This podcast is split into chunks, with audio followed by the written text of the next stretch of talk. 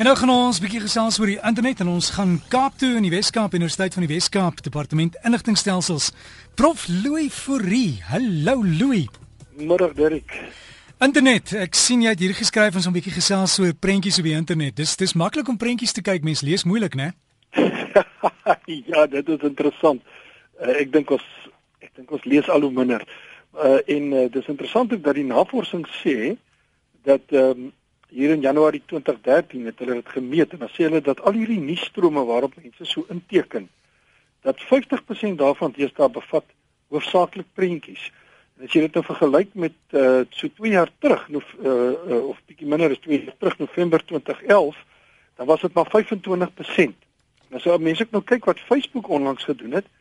Hulle het hulle nuusstrome aangepas sodat jy dit kan 'n skeiding maak tussen jou vriende en die wat net nuus inhoud. En die wat 'n nuus inhoud het, uh, maak hulle veral het hulle dan die kapasiteit verhoog sodat jy video's en prentjies en so meer sommer in die raampie self kan kyk. So die ook by Facebook lyk dit vir my baie duidelik dat die klem al hoe meer uh, op die visuele val. Nou of ons in die rigting gestoot word en of dit 'n natuurlike tendens is, dis natuurlik 'n goeie vraag, maar die tendens is dat nuusstrome al hoe meer string prentjies word met beperkte teks. En as jy mens gaan kyk na programme soos uh, wat jy selfs op jou slimfoon kan kry, Pulse, of as jy gaan kyk na die aanlyn koerant USA Today, dan sal jy sien dis prentjies met baie beperkte teks. So in die afgelope 10 jaar lyk dit vir my het teks begin 'n plek maak vir hierdie geheue honger raserige aandagtrekkende video's en prentjies en fotos. Ehm um, as jy nou terugdink Derrick, dan dink jy die jy weet so 10 jaar gelede was die internet amper net 'n oseaan van woorde. Almal het begin skrywe. Kyk ons ons gepraat van burgerjournalistiek en uh, hier en daar was 'n lae resolusie prentjie en daar was net hier en daar 'n skakel na 'n prentjie of 'n of 'n video. Maar ek dink dit het uh, dit het verander en uh, ek dink waar mense aanvanklik hulle diepste lewensfilosofie en hulle begeertes en hulle idees in aanlyn joernale uh, of webjoernale uitgestort het, word hulle gedagtes deesdae in 'n in 'n reeks prentjies of ons noem dit ook GIFs, graphics interchange format of uitruilbare grafiese formaat word dit uitgedruk. En baie keer op op uh, programme uh, of toepassings soos Tumblr word daarvoor gebruik en Flickr en al hierdie YouTube en al die tipe van dinge. Louis, dink jy mense is besig om net lui te word, dis makliker om prentjies te onthou, nê? En as as jy gaan terugdink op skool, as jy prentjies gehad het, het jy dit onthou, maar die leeswerk was maar moeilik. Ja, ek dink ek dink die uh, die die aspek wat jy noem is natuurlik baie waar. Ek dink dit is baie makliker om 'n uh, 'n uh, prentjie te onthou. Ek dink ons ons gewoon ons as mense verkies ook prentjies. Kyk, ek het nog nooit gehoor dat iemand sê een lyn teks is beter as 1000 prentjies nie.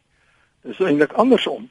En daarom kry die visuele by ons uh voorkeur want woorde is beperk in hulle vermoë om dinge te beskryf. Alhoewel ons dinge baie mooi kan beskryf in Afrikaans, is dit tog nog beperk. En nou ja, daar's 'n ander rede. Vroeger was dit ook baie moeilik om uh of baie duur om 'n foto te neem en jy moes dit laat ontwikkel. Kan jy nog onthou jy gee dit by die apteek in of by 'n latere fotowinkel? En uh ek moes maar skryf. Man, ek moes maar skryf vir my ma en pa. Ek het nou 'n pragtige bruinoog meisie met kort swart hare ontmoet en ag, ek beskryf haar so mooi. Maar vandag is dit makliker. Ek neem 'n digitale foto en ek stuur dit aan my ouers of my vriende en hier in hierdie foto kan nog sommer al die dinge van haar vertel. En dit vang emosie vas en uh, en ek dink dis die rede hoekom uh jy weet al hierdie goed uh so uh, gewild geraak het. Tumblr en Pinterest en YouTube en Facebook. Die ander ding kortliks uh, Derek wat ek hier rede dink die rede is is dat bandwydte natuurlik vermeerder en die mhm. internet het vinniger geword. Uh en daarom uh sien 'n mens dat die prentjies en video's meer gewild is. Ek onthou nog in die 90er jare moes ek inskakel met 'n modem. Wie en as ek 'n groterige foto wou aflaai, moes ek gaan koffie maak en maar lekker rustig wag totdat hy afgelaai het. Maar nou het ons vinnige toegang en is en is prentjies en video's die standaard. En kyk Roy Kappie se ouma het gesê my oë is so groot om beter te sien my kind. Nie om te lees nie my kind. Nie om te lees nie. Ja en dan Twitter, hoe werk Twitter dan want kyk dit is maar teks gebaseerd, né?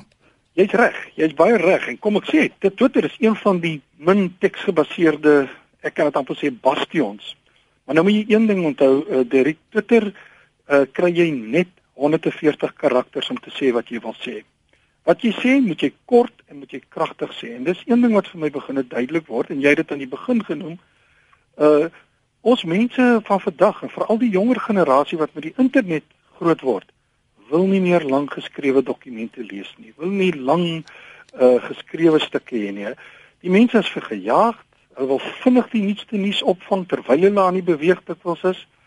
Uh en die jong mense lees weer net wat absoluut noodsaaklik is en hulle lees dit in kort grepe. En daarom is Twitter met sy beperkte 140 karakters so gewild want ek hoef nie lang stukke te lees nie en ek en sommer gou weet ek dat 'n vliegtuig geval, daar's 'n oorlog uitgebreek of of wat ook al.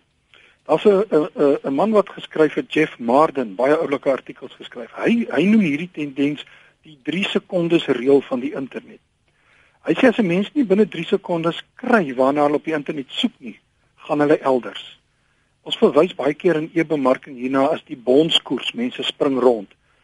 Uh mense is besig, hulle is beperk soos ek gesê het, hulle het nie tyd om ewig rond te seil op die inlig uh, op die web nie. En as hulle nie kry wat hulle soek nie, nie kort en kragtig is nie, as hulle lank moet lees, verlaat hulle 'n webwerf of of uh, of die plek waar hulle dit soek. En daarom is Twitter suksesvol. Die 140 karakters as jy mooi gaan kyk, as jy uh, wat die leestyd betref, val binne die 3 sekonde reël. Maar Louis, dit gaan ons ons lei maak en ons kreatiwiteit inperk want die huidige voorkeur vir prentjies en beperkte teks gaan dit nie tot verskraling van ons lewens lei nie.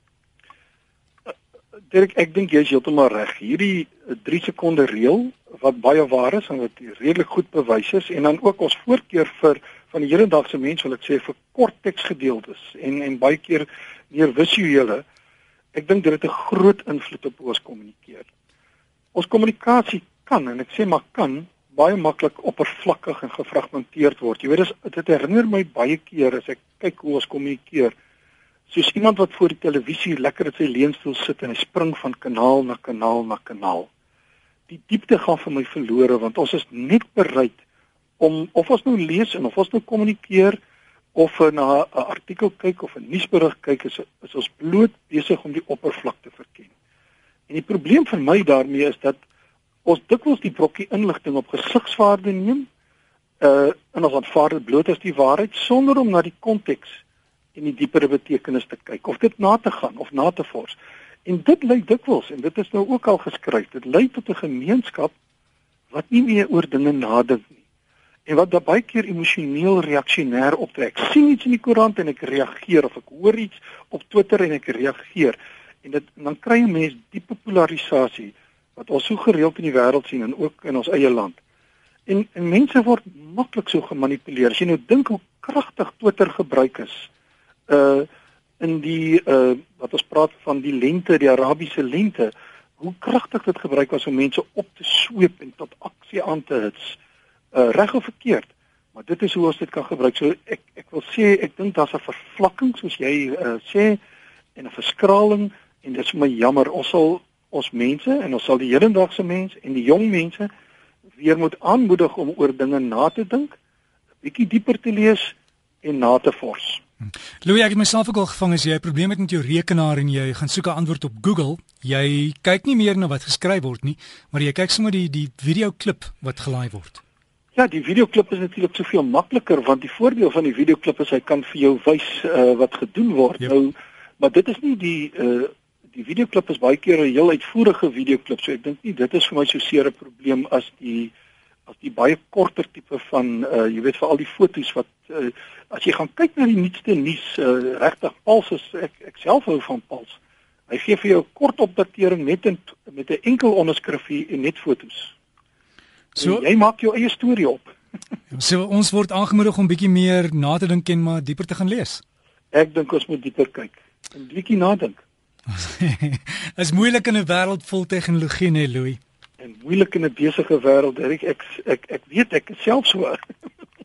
maar Louis, alles in die beste daar en en goed gaan? Goed gaan, Derek. Goeiedag. Lees meer. Louis Fourie, Prof Louis Fourie daar by Departement Inligtingstelsels Universiteit van die Wes-Kaap en jy kan hierdie gesprek ook dan op spot gooi op ons webtuiste in die komende week gaan herluister.